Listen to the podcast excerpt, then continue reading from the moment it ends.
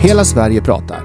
Programledare Therese Bengard, dagens gäster Helena Karlberg Andersson, Kenneth Mikaelsson och Daniel Granello.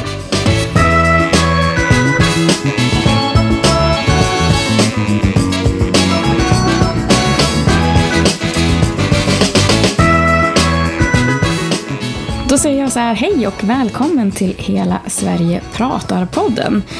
Det här är ju då en serie i tre delar som vi gör med vinnarna för Hela Sverige ska levas pris Årets kommun, Årets lokala utvecklingsgrupp och Årets landsbygdsutvecklare.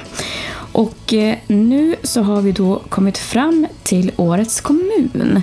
Och eh, vi gör ju det här för att uppmärksamma goda exempel som vi kan sprida runt om i hela Sverige. Eh, och då tänkte jag först säga egentligen grattis till, till utmärkelsen.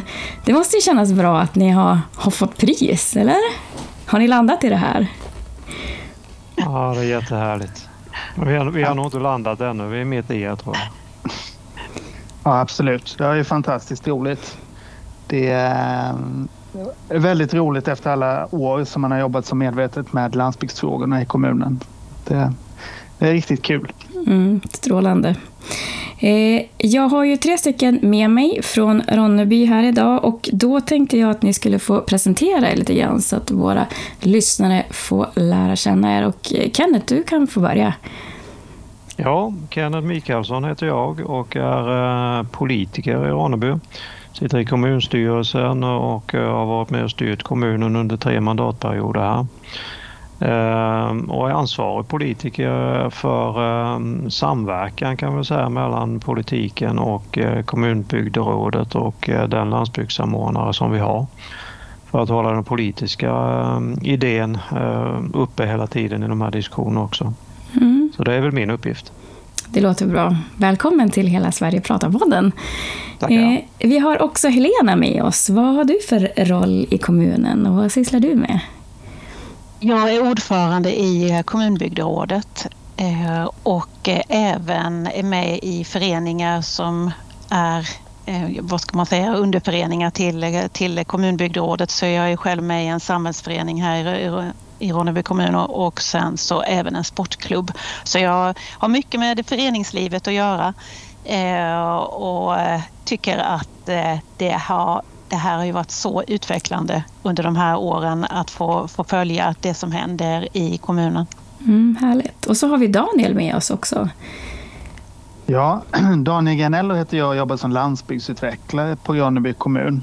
Och eh, jag sitter på en enhet som heter Enheten för strategisk samhällsutveckling. För eh, vi jobbar ju väldigt mycket strategiskt med landsbygdsfrågorna i Ronneby kommun. Mm. Du har kommunens roligaste jobb alltså? Ja, det tror jag faktiskt jag har. Ja, jag, jag kan tänka mig det. Eh, ja, eh, jag tänkte vi kunde gå tillbaka till det där när, när ni fick reda på att ni blev då årets kommun. Vad, vad tänk, tänkte ni så här, ja nu har de äntligen upptäckt oss? Eller var det så där, oh wow? Eller vad, vad tänkte ni? Jag kan väl säga ur mitt perspektiv så eh, det här är ju någonting vi har pratat om egentligen i, i många år. Vi har ju, det har varit en rätt långsiktig satsning som vi har gjort i Ronneby för att uh, nå dit där vi är nu och, uh, har varit rätt uthållig sådan. Så att vi har väl pratat under många gånger egentligen om vi skulle ta och göra en ansökan här på de här bitarna men, men kom till skott nu när vi sa att nu kände vi liksom att nu har vi gjort så väldigt mycket. Mm. Ehm, så att eh, nej, det var bara eufori. Vi var ju hur glada som helst. Det låter bra det. Ja, men det är bra att, att hårt arbete lönar sig. så. Eh, Daniel, du kanske skrev delar av ansökan, eller hur? Ja, precis. Jag jobbade med ansökan här eh, och samlade ihop hur vi har jobbat med de här frågorna länge. Jag tyckte det var väldigt, väldigt roligt. Jag har ju bara varit med själv i tre år i Ronneby kommun, snart tre år. Och eh, det var faktiskt eh, en, en spännande process att få lyfta det mer långsiktiga arbetet när man liksom får prata med folk som var med och titta på alla satsningar som har gjorts och sådär. Så det var någonting jag uppskattade. Och sen tycker jag också det är väldigt roligt faktiskt för att i Blekinge har vi ju landsbygdsutvecklare i samtliga kommuner på ett eller annat sätt. Vi har också ett väldigt eh, nära samarbete inom landsbygdsfrågorna i hela Blekinge län.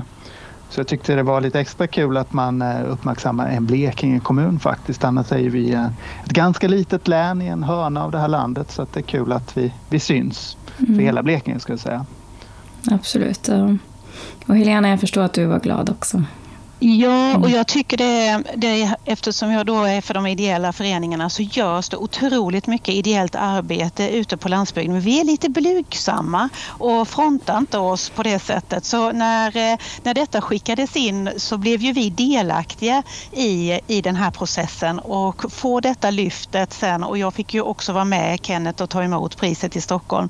Så, så blev det verkligen en skjuts i rätt riktning att det här arbetet som görs ute, det, det syns och det behövs och nu fortsätter vi eh, i samma takt. Mm. Eh, just eh, med det då tänkte jag att vi skulle komma in på det. Vad, vad, är, vad är det ni har gjort egentligen? Ja, det är klart att jag skulle veta varför ni har fått det här priset. Men, men jag tänker att ni ska få med egna ord också berätta. Vad, vad är framgångarna? Vad, vad är det som, som ni har gjort som kommun och som, som bygd så för att få det här att funka? Jag, jag brukar väl börja där eftersom jag har hängt med från början. eh, nej, man kan väl säga som så att eh, vi, vi sa nog redan från början när vi eh, gjorde vår första motion i fullmäktige egentligen eh, som var resultatet av att vi eh, ett valutfall eh, och där vi sedan skulle skapa en Ja, ett landsbygdspolitiskt program som motionen handlar om egentligen. Vi saknade lite grann det. Vi ville att eh, våra centralorter och våra mindre tätorter skulle utvecklas mer tillsammans och skapade en motion eh, på den biten. Fick ett eh, enat fullmäktige till att säga att ja, vi tycker att vi borde plocka fram ett program och arbeta kring det. Och redan då pekade vi ut tre faktorer som är väldigt viktiga, tror, tror vi och tror fortfarande. Eh, först måste man ha vilja, att man, man eh, ska vilja skapa någonting och där hade vi faktiskt Ronneby kommun. Vi hade vilja att vi skulle ta fram ett landsbygdspolitiskt program. Det skulle bli någonting av det och vi ville att orterna runt omkring centralorterna skulle utvecklas också. Eh, så viljan fanns där. Det andra man måste ha det är att man måste ha en plan på hur vi skulle gå tillväga. Och den planen la vi också upp strukturerat för hur vi skulle gå in i hela den här biten, vad programmet skulle handla om och hur våra handlingsprogram skulle se ut eh, för att ta oss framåt. Så vi la faktiskt flerårsplaner egentligen på att utveckla det här. Och den tredje, sista delen man måste ha det är ett engagemang och en samverkan för att kunna nå någonstans. Och vi hittade ju en samverkanspartner som höll på att utvecklas i precis samma eh, period som vi var inne i här. Eh, och det var ju kommunbygderådet. Kommunbygderådet började etableras, ville hitta sina arbetsformer och tillsammans så lyckades vi sitta ner och eh, eh, dra den här planen och hela den här biten framåt. Så att de tre ingredienserna vill jag lyfta fram som viktiga för att man ska nå framgång. Då. Sen har det hänt väldigt mycket eh, men det lämnar lite till Helena och Daniel att prata mm. om också. Jag tänkte just kommunbygderåd, det är kanske inte alla som vet vad det är för någonting. Hur, hur är ert utformat och organiserat? Det är samhällsföreningar eh, som är våra medlemmar. Så, eh, och sen så har ju de sina medlemmar ute i, i varje samhälle. Men vi har eh, i vårt kommunbyggdråd så är vi 30 30, strax över 30 medlemmar och då är det även eh, det är andra föreningar också som är välkomna. Vi har något som heter Önskeambulansen och liknande som också har fått vara med. Men i stort sett så är det, är det samhällsföreningar som är delaktiga i kommunbygderådet. Och sen är vi då en styrelse som är då från olika samhällen och olika delar av kommunen. Vilket gör att det blir en bra spridning och att vi får vetskap om vad var och en gör men också vad vi kan göra tillsammans. Eh, ett exempel var bara för ett par år sedan då, då frontade vi det här med julbelysning. Att vi ville ha julbelysning ute i, eh, på, på, eh, i våra orter. Och då gick vi gemensamt upp till politiken och det beviljades pengar.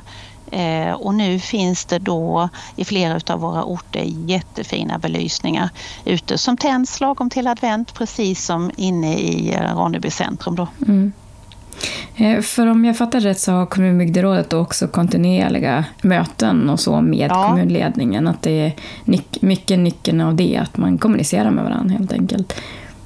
Absolut, och jag tänker det att det är de här länkarna. Vi, vi har ju politiken som måste vara en länk och sen har vi kommunen där Daniel har en stor betydelse. Att, det, att man har en person där som kan nå tjänstemän inne på kommunen. Och sen då jag då som ideell för, eh, för kommunbygderådet som kan nå ut i, till föreningarna i, i de mindre samhällena. För man jobbar mycket ute på sin ort för att det ska bli trevligt för boende eller besökare.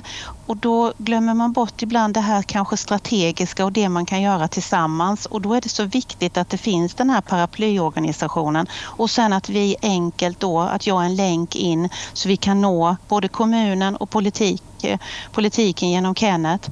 Och att vi då träffas och där kan vi liksom samla ihop vad som är på gång, vad, vad, vad vi tycker och tänker. Och, och sen går jag neråt till mina föreningar och Daniel har kommunen och Kenneth vet med politiken. Mm. Så, så det är ett eh, jättebra koncept tycker jag som vi har lyckats med här. Mm. Daniel, du pratar mycket om att man har jobbat strategiskt med de här frågorna. Hur, hur skulle du beskriva att man, hur har det arbetet sett ut? Ja, eh, till att börja med då de här eh, samtalen som Helena eh, nämnde här på slutet. Vi har strategisk samverkan med kommunbygderådet då från kommunens sida, både tjänsteorganisationen och den politiska organisationen där eh, en politiker sitter med och en tjänsteperson. Och de är ju, det är ju ganska intressant, den formen på dem tycker jag är väldigt lyckad också, att de är lite sådär semiformella. Eh, vi kan ju ta beslut där som vi sedan jobbar vidare med men det är också ett, ett öppet samtalsklimat. Det är inte eh, så eh, fast dagordning alltid och sådär utan att man lämnar lite utrymme för att faktiskt prata ihop sig kring frågorna. Vad är vettigt här? Vad är inte vettigt? Och vilken väg ska vi gå? Och så där. Jag, jag tror de har en väldigt stor betydelse faktiskt. Och sen på kommunen i övrigt då så sitter ju jag, som var inne lite på i början här i presentationen, på en enhet för strategisk samhällsutveckling. Och det betyder ju att vi kan knyta landsbygdsfrågorna till hållbarhetsfrågorna, till folkhälsofrågorna och liksom jobba med det här med en mer långsiktig horisont på något sätt. För annars är det ju ganska lätt att landsbygdsutveckling blir väldigt mycket projektorienterat med korta insatser och så men att man kan komplettera det med ett eh, mer strategiskt tänk och ett långsiktigt tänk. Och där tror jag faktiskt det är lite grann i kommunbygderådet också. Eh, under de här åren har det vuxit fram, för att rätta mig om jag har fel här Lena, men liksom man har drivit gemensamma projekt och så har man lärt sig samarbeta och tänka lite längre i början eh, är det klart att det kan vara lite konkurrens mellan samhällen och vissa är väldigt duktiga på att ta hem projektmedel och andra inte så vana. Men om man jobbar ihop på det här sättet så blir det ju på något sätt att hela, hela kommunens landsbygd jobbar ihop mot eh, vissa frågor som är gemensamma, inte precis allt men eh, de som man tycker är viktigast. Så att det är på både ideella sidan och på, inom kommunen tycker jag det här lite mer långsiktiga tänket som komplement, inte som ersättning för projektinsatser eller mm. korta insatser men liksom att man eh, verkligen har det med sig hela tiden. Mm. Och där, där, där vill jag lyfta in också just när det gäller Daniels eh, position också lite grann. Den var inte heller självklar i det här arbetet från början utan från början så var det ju som i många andra kommuner så att då hade vi en näringslivsutvecklare mm. egentligen som jobbade lite grann med det här också men när vi väl hade satt vårt program och ville ta steget framåt och också i mycket diskussioner med kommunbygderådet där med eh, så var det liksom, ja men ska vi lyckas med det här då, då tror vi måste, då måste vi koppla den här positionen in direkt emot kommunledningen. Eh, och därmed hamnade ju egentligen eh, Daniels roll då som landsbygdsutvecklare under kommunledningsförvaltningen och lyder direkt under kommunstyrelsen också samtidigt då, för att få lite tryck och samla dem tillsammans med de andra utvecklarna som jobbar med strategisk utveckling. Då. Mm. Det tycker jag det tror jag är en viktig poäng om man ska komma framåt. Ja, ja det, det, utan att, att, ha forskningsbelägg på det så tror jag ändå att det stämmer väldigt, väldigt väl. Så det brukar man ju säga, att man har en nära koppling till ledningen. Eh, alla kanske inte är bekanta med Ronneby.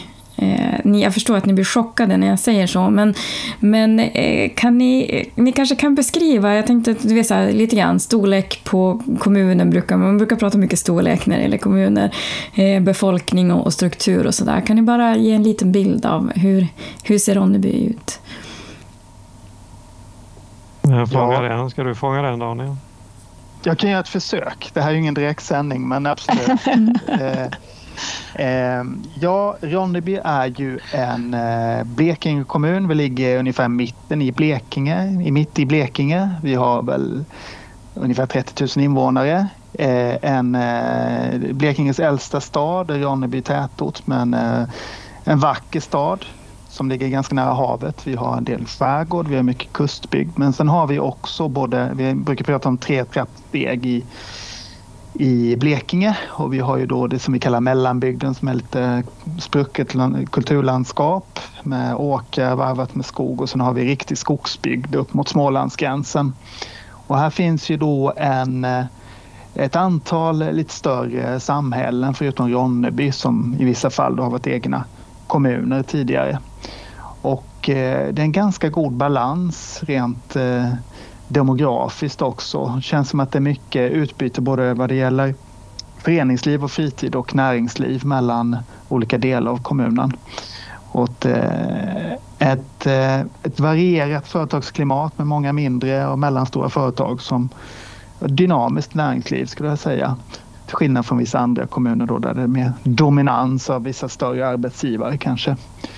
Och ett fantastiskt eh, engagemang eh, måste jag verkligen säga, bland eh, i föreningslivet och kulturlivet som jag inte riktigt känner igen från andra Blekingekommuner, men jag känner inte dem lika väl kanske. Men tycker det är ett otroligt engagemang i, i Ronneby bland folk. Mm. Vi är, vi är ju föreningstät kommun är vi ju, till stora delar också, alltid varit. Och sen är vi ju, Blekinge är ju Sveriges trädgård samtidigt så vi är ju mitt i det vackra Mm, härligt. Eh, för jag tänker, en fråga som, som vi försöker göra är så här, du vet, går att, att det jobb som ni har gjort, går det att exportera till andra kommuner? Så? Eh, vad tror du? Förstår ni att det finns några nycklar? Du pratar om vilja och plan och engagemang. Det kan man ju definitivt exportera till andra. Men eh, förstår ni vad jag menar? Alltså, skulle det kunna mm. gå att genomföra det ni har gjort i andra kommuner också, tror ni? Absolut, det tror jag. Vi, vi har ju också varit och tittat på flera andra kommuner från vår sida så att säga för att bygga vår modell eh, på olika ställen så det tror jag definitivt. Mm. Vi gjorde så det första också eh, faktiskt i samråd med eh, kommunbygderådet också att vi var rätt tidigt ute faktiskt och tittade på också en kommun som då blev hela Sveriges landsbygdskommun. Det var Kalmar faktiskt. Eh, så vi var och tittade för första gången och sen så var vi och tittade på Västervik och lite andra. Så vi har ju byggt under tidens gång har vi också byggt ihop vår modell eh, mm. till att bli så bra som vi tycker. Då. Mm. Så det tror jag definitivt att det går att exportera. Ja, det låter ju bra. Jag vet också att ni har en hel del egentligen konkreta exempel på vad ni har gjort också. Eh, vi Eh, spelade in en film bland annat inför det här, så där hade ni några av de här, ni vet, mer så här hands-on-grejerna. Så att, eh, kan ni göra lite i alla fall av ert smörgåsbord vad ni har gjort för eh, konkreta projekt i, i era bygder? Ja, men då vill jag nog lyfta försköningspengarna först. Eh, för det här är ju faktiskt något som vi har fått frågor om efter eh, att vi har vunnit det här priset. Att eh, folk blir nyfikna på och som jag tror absolut flera kommuner kan ta efter. För det handlar lite om de här mindre samhällena ute som ibland känner att, eller utanför stadskärnan, som ibland känner att de är lite bortglömda. Eh, vad gör kommunen för oss? Och ingen lyssnar. Och, eh, och det är ju det som man behöver ha den här dialogen och hitta den här modellen som lockar till och att man blir lyssnad på. Eh, och där tycker jag att försköningspengarna är verkligen ett vinnande koncept i, i det här. För det, det gör att för vi, samtidigt vill inte vi i de mindre orterna att det ska komma någon från kommunen eller politi politiken och peka att här ska ni ha det och där ska ni... Och vi kan inte heller förvänta oss det. Jag brukar säga tvärtom det är ju fantastiskt för vi kan ju välja själva lite vad, vad vi vill ha och vi, önskemål. Men vi måste ju framföra det. Vi måste ju tala om eh, vad, vad det är vi önskar för våra samhällen är så olika och för att de ska växa och synas så behöver vi, vi som bor där tala om vad det är vi värdesätter mycket och vad vi önskar. Och då, då kom de här försköningspengarna helt rätt i tiden. För då är det så att samhällsföreningarna ansöker in eh, till, eh, till kommunen och där finns då ett bidrag som beviljas varje år som är en miljon investering och en miljon i underhåll. Och det ligger på eh, vår eh, gataparkavdelning, så det är vår gatu parkchef som, som eh, håller i de här pengarna. Men där vi i några utifrån styrelsen i kommunbygderådet är med och beslutar om vilka ansökningar som vi ska säga ja till eller som behöver kompletteras. Och det här blir ju att de samhällsföreningarna vågar när det finns Ehm, ett bidrag att söka, att det finns en buffert. Man, kan, man ställer mycket gärna upp ideellt men pengarna saknas ibland och de man får inte ihop dem med medlemsavgifter och det man gör. Och då kunna hitta någonting som förskönar i sitt, sitt samhälle genom att ansöka om de pengarna. Då blir det verkligen verkstad. Och även det gynnar även hela kommunen. Eh, det, det frontas ju, man får fram, för det är inte bara för boende utan även för besökare och för att andra vill bo, bo ute eh, i, i de här samhällena och hitta, hitta dit. Det tycker jag är jätteviktigt och det har vi, det har vi lyckats med. Mm. Och här spelar kommunbygderådet en jättestor roll eh, och det är i sitt arbete att få ihop alla de lokala föreningarna. Eh, kommunen hade annars rätt så svårt när alla, alla föreningar riktade sig direkt in mot kommunen och, och ville äska pengar på olika håll. Nu sköter man ju det inom kommunbygderådet och man har förståelse därför att alla kan inte få pengar på en gång utan det här året kanske det är en kommundel som får pengarna och nästa år är det en annan kommundel. Och då har man liksom förståelse för det i hela kommunen och det, det tycker jag är ett fantastiskt arbete kommunbygderådet gör. Mm. Jag tänkte bara hoppa in där. Jag eh, som har pratat mycket med olika kommuner så, eh, det är alltid en huggsexa om pengar inom kommunen också. Det är inte alldeles lätt att få ihop de kommunala budgetarna.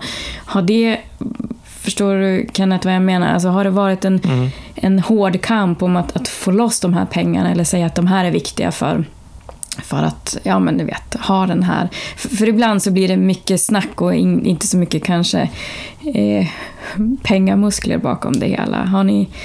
Du kanske inte vågar avslöja hur hårda diskussionerna har varit? Nej då, jag vill nog säga att vi från eh, från början eh, har vi nog varit rätt så överens om att tillföra de här medlen. Sen har det nog varit så att under tidens gång så har det nog funnits alternativa budget från andra partier där man inte haft de här pengarna med i sig. Men, men den styrande enheten har ju alltid varit överens om att de här pengarna ska finnas där eh, och utvecklas och har snarare ökats under de här året från att bara varit investeringspengar till också vara driftspengar och underhållspengar också.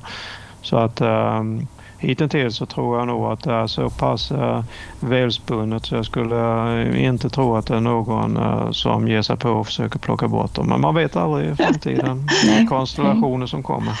Vi kände, oss, vi kände oss säkra inför detta året när vi hade precis varit och hämtat priset. Jag tänkte det, då, då ska vi då, nog få hem dem. Det är det ingen som vågar jag, jag måste också, Jag måste också tillägga det att landsbygden är ju duktiga på att växla upp de här pengarna eftersom man gärna ställer upp ideellt eller kan eh, fixa och trixa. Alltså man får ihop de här pengarna på ett bra och det har ju också varit eh, något eh, som man har kunnat lyfta inför varje år. Att det ger ju mycket tillbaka också. Att det är värt mer i slutändan och det tror mm. jag också att vi har vunnit på. Mm, vi lägger ju också in pengar, vill jag hävda, inte bara direkt i de här pengarna utan det finns ju till exempel till Sydostlider där vi är med också från kommunens sida där vi lägger in rätt många hundratusen också som växlas upp i pengar. Så att det är rätt mycket pengar om man räknar på totalen som vi faktiskt lägger in för landsbygdsutveckling även lokalt. Mm. Eh, Daniel, jag vet att ni också håller på med ett slags informationsprojekt, eller vad är det ni kallar det för? Bygde-TV? Ja, just det, landsbygds-TV Landsbygds är det nog du tänker mm. på. Eh, mm. Det stämmer. Vi har ju då eh, också tack vare, i mångt och mycket tack vare det här goda samarbetet som finns på landsbygden jobbat med ett koncept som heter Landsbygds-TV där vi har det var diskussion om bilden av landsbygden och vad är det som... Det händer mycket på landsbygden som inte syns tyckte man och liksom det var diskussioner om kan vi ha en egen kanal, ett eget sätt att visa det här? Så att vi har faktiskt, vi har 17 stycken skärmar runt om i kommunen där vi eh, förmedlar information om vad som händer på landsbygden eh, Vi har även sån eh, skärmar inne i Ronneby tätort för den delen. Man kan se vad som händer på landsbygden och vi visar numera också även information om saker som händer inne i Ronneby men som kan vara av intresse för landsbygdsbefolkningen. Och eh, vi har utvecklat detta ännu mer nu att vi har liksom olika delslingor i det här så vi kan ha lite mer riktad information i vissa områden av kommunen där det framgår om det är någon, någon tillställning av något slag som är intressant. Och det, de här skärmarna sitter då på till exempel ICA-butiker, bibliotek och så vidare. Och det blir allt mer populärt faktiskt. Man tänker ju sig att i dagens flöde i mobilerna så skulle detta vara eh, förlegat på något sätt men det blir nästan tvärtom faktiskt. För här kommer det upp information som du inte har sökt efter själv utan du står där och ska betala i kassan eller liknande och så ser du vad som händer. Så att eh, det har varit väldigt, eh, väldigt lyckat faktiskt och vi mm. försöker nu utveckla det ännu mer. Eh, mm. Sen har vi också jobbat med, jag kan ju nämna Ronnebyslingor i Ronneby kommun som också är en resultat egentligen av det här goda samarbetet som finns mellan olika samhällen i kommunen. Där vi har tagit fram eh, vandringsleder och cykelleder där man har fått lyfta sin lokala historia. Och där eh, hade vi jättestor nytta av att ha med folk från olika föreningar med olika kompetenser. Det blev ju en otroligt bra utväxling på de det vi la in i det projektet. Eh, och också väldigt roligt att se vilka historier man väljer vilken mm. identitet man väljer att lyfta då i, på de olika orterna. Så att, eh, det är viktigt det här med eh, bilden av landsbygden och vems bild det är egentligen. Men det, det är ju ett, ett, mycket bra sätt tror jag att lämna över det lite grann till de som bor där faktiskt. Mm. Att eh, berätta vad som är viktigt. Mm. Få äga, äga den bilden själv. Mm. Och där i Ronnebyslingan måste jag också tillägga att eh, det var ju inte bara de stora lederna utan vi plockade ju även fram byaslingor. Alltså de här lite mindre eh, rundturerna som folk i, eh, går i sina dagliga eh, promenader. Och där har det också kommit upp fina skyltar där man också man tillhör Ronnebyslingor. Man är en del utav någonting som är eh, på landsbygden och det är också frontats på ett väldigt bra sätt. Så att eh, det, det har varit uppskattat i, eh, i alla samhällen och fått sin lilla byaslinga. Mm. Och där kan jag säga med just för, för både för byasling och Ronnebysling och alla andra slingor vi har eh, så har vi ju lagt in pengar också i nystartsjobb. Så vi har ju mm. nyttjat nystartsjobb väldigt mycket här för att också få en spin-off effekt just på naturskötsel och annat samtidigt som har varit lyckosamt också. Mm. Nej, men det är väl det som är unikt med det här att oftast man kan, man få ihop det ideella med det kommunala och sen hitta finansiering och även då till exempel arbetsmarknadsåtgärder så kan man få väldigt, väldigt bra utväxling av de kronorna man stoppar in. Och både som ni säger stärka bygden och bilden av, av de som bor där och, och självkänsla och så vidare men också skapa jobb och, och eh, ja, men även försköna så. Så att det är ju strålande på något vis. Eh, vi har pratat om väldigt positiva saker här nu. Jag tänkte, finns det ni vet, vad, vad har hindren varit? Eller vad har, ni vet sådär, vad, vad, är det, vad vill ni skicka med till andra så att de inte ni vet, åker ner i den där gropen eller gör det misstaget? Är det någonting som ni skulle vilja, sådär att det här skulle vi ha gjort annorlunda om vi hade vetat? Nej, jag tror, jag tror snarare att budskapet jag skulle skicka med är nog att uh, försök inte göra en total lösning på en gång. Det vill säga att man, man lägger upp någonting och så ska vi bli världsbäst eller mm. vi ska göra allt på en gång för att eh, då är det svårt att komma fram. Utan man, man måste ha den här planen och så måste man äta allting i bitar och så få med sig allt. Det är rätt så stor, när det gäller kommunen så är det en rätt så stor apparat du ska få vara med på noterna. Det är inte bara politiken eller eh, Daniel som vi ska locka med utan vi ska göra med hela verksamheten liksom. För det är ju när man jobbar med hela verksamheten och man har förståelse för landsbygden i, i alla olika delar i den kommunala apparaten. Det är först då det börjar ge gensvar på olika sätt. Och det har vi ju sett erfarenhetsmässigt sett också genom åren att det är inte det lättaste heller, det tar sin tid. Mm.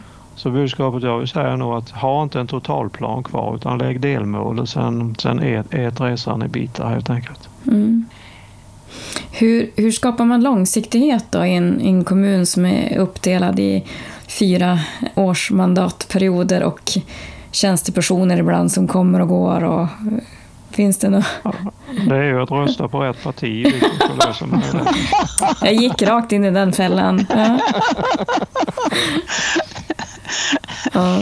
Nej då, det, man får naturligtvis försöka att eh, jobba med den, eh, en långsiktighet. Det är lite svårt naturligtvis eftersom man inte vet vilka partier som styr eh, mandatperioden efter kanske då. Men om man försöker grunda så mycket som möjligt som vi gjorde när vi la första eh, landsbygdspolitiska programmet, då var ju faktiskt alla partier i hela kommunfullmäktige med på den resan. Mm. Att vi skulle göra någonting åt de här bitarna. Så att eh, man får nog försöka grunda det så mycket som möjligt och sen försöka jobba med med att få till en strategisk enhet precis som där Daniel sitter som också kan jobba kontinuerligt med de här planerna hela tiden oavsett vilka som kanske egentligen styr då mm. och vilka som sitter vid makten då. Eh, och gör man det långsiktigt länge under en period då blir det nog ett självklart arbetssätt tror jag oavsett vem som, vem som sitter vid, eh, vid styrspakarna. Då. Mm.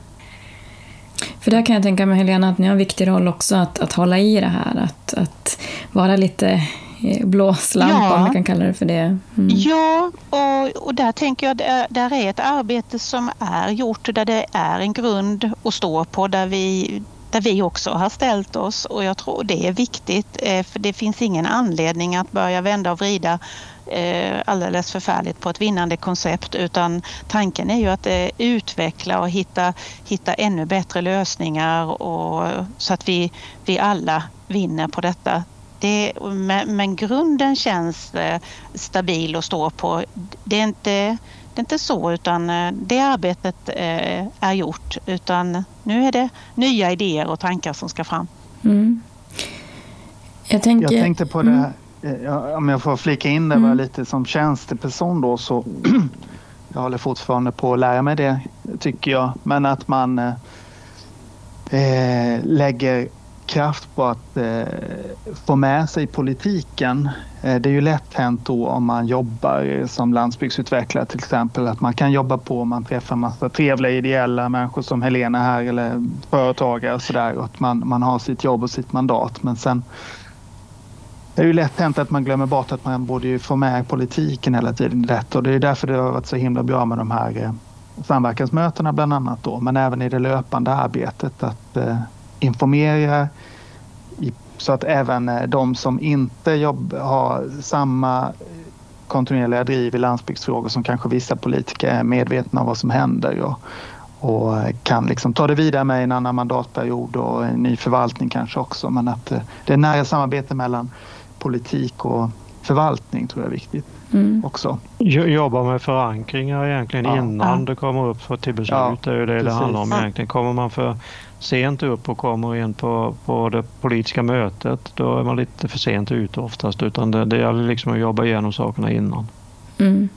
Och jag tror också att vi har en viktig roll eh, i det ideella att när vi gör någonting ute eller när vi gör något i vårt samhälle som till exempel med försköningspengar att vi frontar det tillsammans med Ronneby kommun. Att vi skriver ut att, folk, att det blir känt eh, bland folk att det är de här försköningspengarna. Det är någonting från Ronneby kommun som vi har fått så att eh, det också sprider sig. Att det inte eh, att det är ett arbete. Samhällsföreningen har gjort ett arbete med att få pengarna men också att Ronneby kommun är delaktiga i det hela.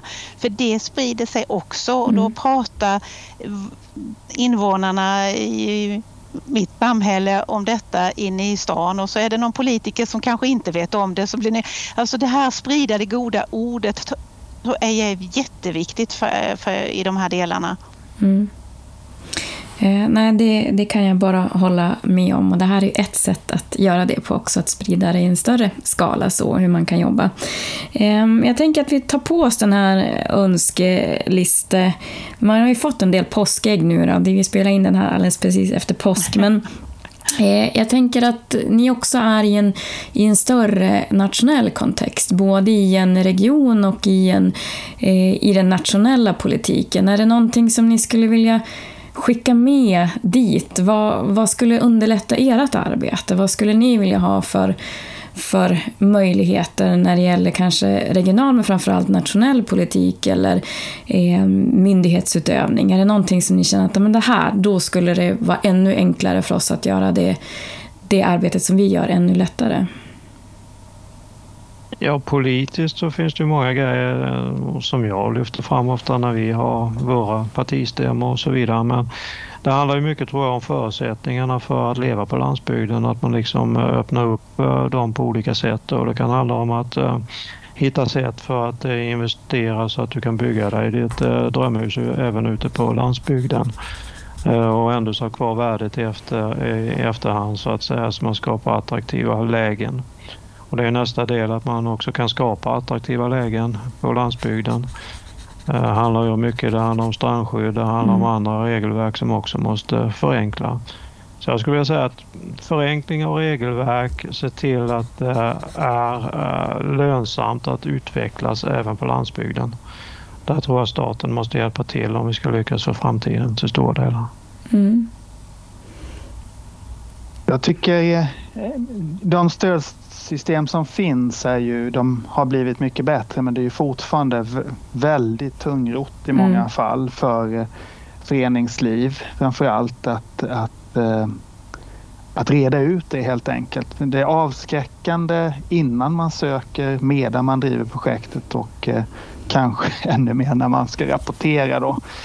Och där borde man verkligen eh, göra förändringar mm. och eh, naturligtvis måste man visa på kostnader och allt sådant i, helt korrekt men liksom att man har lite mer tillit till eh, det ideella krafter som eh, huvudmän helt enkelt. Och jag tycker också att regionerna i Sverige borde verkligen eh, steppa upp vad det gäller landsbygdsfrågor. Jag tycker de har ett väldigt fokus på tillväxtcentra generellt sett med vissa undantag då. Där finns ju jättestora möjligheter att de skulle kunna avsätta mer regionala utvecklingsmedel till eh, landsbygdsfrågor helt enkelt över hela landet tror jag. Förmodligen är man lite bättre på det här i norra Sverige men eh, jag vet inte riktigt. Jag tror att det är lika illa där. Ja. jag, jag, känner igen eh, diskussionerna så, så att det är väldigt bra sagt skulle jag säga. Och jag tror att det, det är tyvärr så det ser ut i, över hela Sverige. Mm. Ja, Helena, jag, har, du, har du några ja, önskelistor? Ja, men jag är nog lite på Daniels mm. eh, mm. där, att göra det enklare för de ideella krafterna. Eh, det, det, det, är ett, ett, koncept för det, det, tar emot. Och där är det ju också att som jag tycker, nu tittar man ju, nu tittar vi stort och i landet och det här, men, men just eh, som jag tycker ändå vi har varit lite, vi har varit duktiga på här i Ronneby, det är att när det görs mindre projekt, att det också får synas och ta mm. plats. För det är det lilla arbetet som växer och kan utvidgas och bli större och, och komma vidare. Eh, och man får inte glömma bort att vattna det som gror eh, på de här mindre samhällena för det, det gör så otroligt mycket att man delar och men man också lyssnar på de problemen eh, som uppstår i, i det arbetet för ideella krafter de växer inte på träd och det är, det är så viktigt för landsbygden Eh, Eh, med de här ideella krafterna och de företagare och så som vågar satsa. Eh, men också som jag mycket jag pratar om när det gäller ideellt och det här arbetet man gör gemensamt. Det, det skapar andra också effekter som jag kan uppleva. Vi pratar om psykisk ohälsa och så vidare. Det här att vara i en gemenskap, att göra någonting som är till glädje för andra. Så mycket viktiga andra roller som mm. det ideella eh, behövs och det är viktigt att man uppmärksammar det även i de små skalorna där det utförs. Mm. Väldigt, väldigt klokt sagt. Eh, det är lätt hänt att det är bara de här stora grejerna som syns, men det, det, det, det ni har gjort gör ju verkligen skillnad på riktigt i bygderna och skapar positiva ringar på vattnet. Eh, jag tänkte om vi blickar lite grann här framåt då. Ni verkar ju ha det så himla bra. Alla landsbygdsutvecklare vill vara Ronneby just nu. Eh, men eh, vad har ni för, har ni några framtidsplaner? Eller är ni klara? Nej. Nej, man blir aldrig klar. Nej. Vad, en, vad har ni siktet? En, mm. en satsning där vi har lagt lite krut på senare tid och där vi har mycket kvar att göra det är ju det här med unga på landsbygden.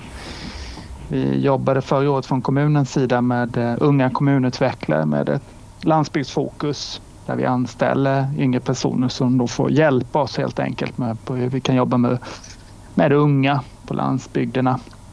Och eh, även i år ska vi fortsätta försöka få ta eh, ytterligare ett steg då att vi får in unga som kan eh, konkret jobba med föreningslivet och, eh, och hitta aktivitet för unga. För det är ju väldigt svårt. Vi har ju en eh, stark överrepresentation av äldre i våra samhällsföreningar och sådär. Och det är klart att eh, man gör så gott man kan men vi har ju svårt att se allting som eh, de unga vill ha. Eh, så där behöver vi jobba mer tror jag verkligen. Och jag vet ju att ni Helena har ju också projektplaner där från kommunens ja. sida med Absolut, så det hoppas vi. Ja, det hoppas vi tillsammans också kunna göra eh, någonting för det är en jätteviktig fråga för oss. Och sen har, har ju vi haft mycket förslag på det här att vi vill att kommunen ska komma närmare landsbygden på ett enklare sätt. Vi har pratat om en rullande medborgarservice och sådana tankar. Och det har ju också helt plötsligt börjat röra lite på sig så det finns eh, flera projekt som eh, ligger där och gror under ytan som mycket väl med lite vatten på kan blomma upp här. Så ja, jag överlämnar det till Kenneth. Och ja, jag har alltid sagt att det gäller att vara uthållig. Ja. Mm. Ett, nej, ett nej är alltid första steget mot ett ja. ja. Eh, nej, men det handlar ju om de bitarna och framförallt nu när vi tittar över översiktsplanerna igen här att man låter varje kommundel jobba med sina utvecklingsplaner och lyfter in de bitarna är ju väldigt viktigt för att lyckas eh, framåt och som sagt utmaningarna tar, tar aldrig slut. Eh, nej. Så är man uthållig så når man alltid det man vill förr eller senare. Och så satsar ni på att bli årets kommun om några år igen. Så, det är så det är. Ja, jag sa ju det när vi hämtade priset där, att det är lika bra ni ställer in mm. nu de kommande åren och låta oss ha det ett tag nu. Precis.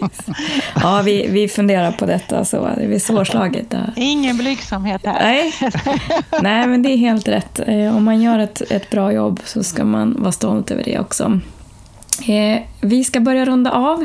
Eh, även fast det har varit fantastiskt trevligt och det finns eh, tusentals exempel till så eh, kommer vi ju länka till er hemsida och filmen och så vidare. Så, så, annars så, så får man jättegärna säga ja och ringa till er också och, och höra av sig om man vill ha goda exempel. Men vi ska avsluta med den svåraste frågan som jag ställer till alla som är med i podden. Och det är ju om du hade en låt som skulle vara ditt soundtrack. Så här, om vi skulle spela en låt när ni kommer in på en scen eller när ni kommer in i ett rum. Eh, vad är det för låt och, och varför?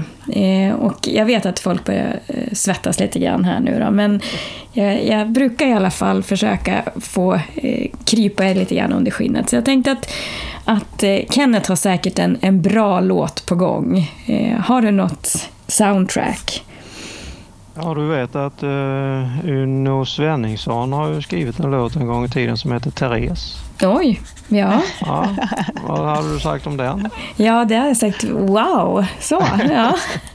men det, den kan du lyssna på, men den är bra. Mm. Men äh, egentligen så är jag äh, kommen ur Gyllene Tider-tiden. Mm. Så att för mig är Gyllene Tider eh, många låtar jag gillar där och eh, det hade nog blivit eh, sommartider i så fall med Gyllene Tider. Och det är nog för att eh, sommartider är eh, den del på året som jag trivs allra bäst. Jag tänker, du bor på rätt ställe i Sverige då. Så, ja, ja I Sveriges trädgård. Jag menar, bättre än så blir det inte.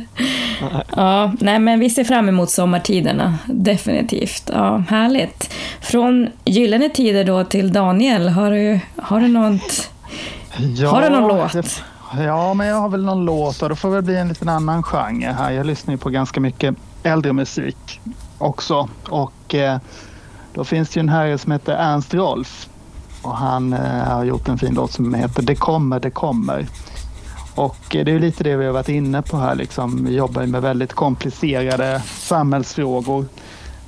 Vi försöker hålla en, en horisont som ligger långt fram och det känns som med många saker. Att man, eh, Kenneth var inne på det här innan också. Att det är rätt många krumbukter innan man eh, till slut faktiskt brukar hamna dit ungefär där man ville. Inte riktigt alltid men ofta. Så att det blir väl mitt val då. Mm, hålla i så. Det kommer. Det kommer. Ja, strålande. Ja, Helena, du fick lite extra betänketid. Så, det ja. kan jag behöva. Då väljer jag filmintro till Top Gun. Oh. Den mm. tycker jag kan passa. Och dessutom har vi ju vår, vår F17 och vi har ett vackert gammalt Viggenplan som eh, står eh, i entrén till, till Ronneby och eh, uppåt ska vi. det, det låter strålande. Eh, Tusen tack för att ni eh, deltog i vår podd och att ni gästade just Hela Sverige pratar. Eh, ni som lyssnar får gärna kommentera och komplettera eh, och eh, ni kan göra det i våra sociala medier och vi heter ju Hela Sverige på alla plattformar. Eller så kan ni mejla till podden helasverige.se. Eh, så jag vill rikta ett stort tack till Kenneth, till Daniel och Helena och jag säger på återseende och eh, jag lovar att jag kommer att komma igen och besöka er eh, i er fantastiska kommun och önskar er lycka till såklart med ert fortsatta arbete. Jag som programledare i den här podden heter Therese Bengard och jag har även förmånen att programleda riksorganisationen Hela Sverige ska leva. Och med det så säger jag tack och på återhörande.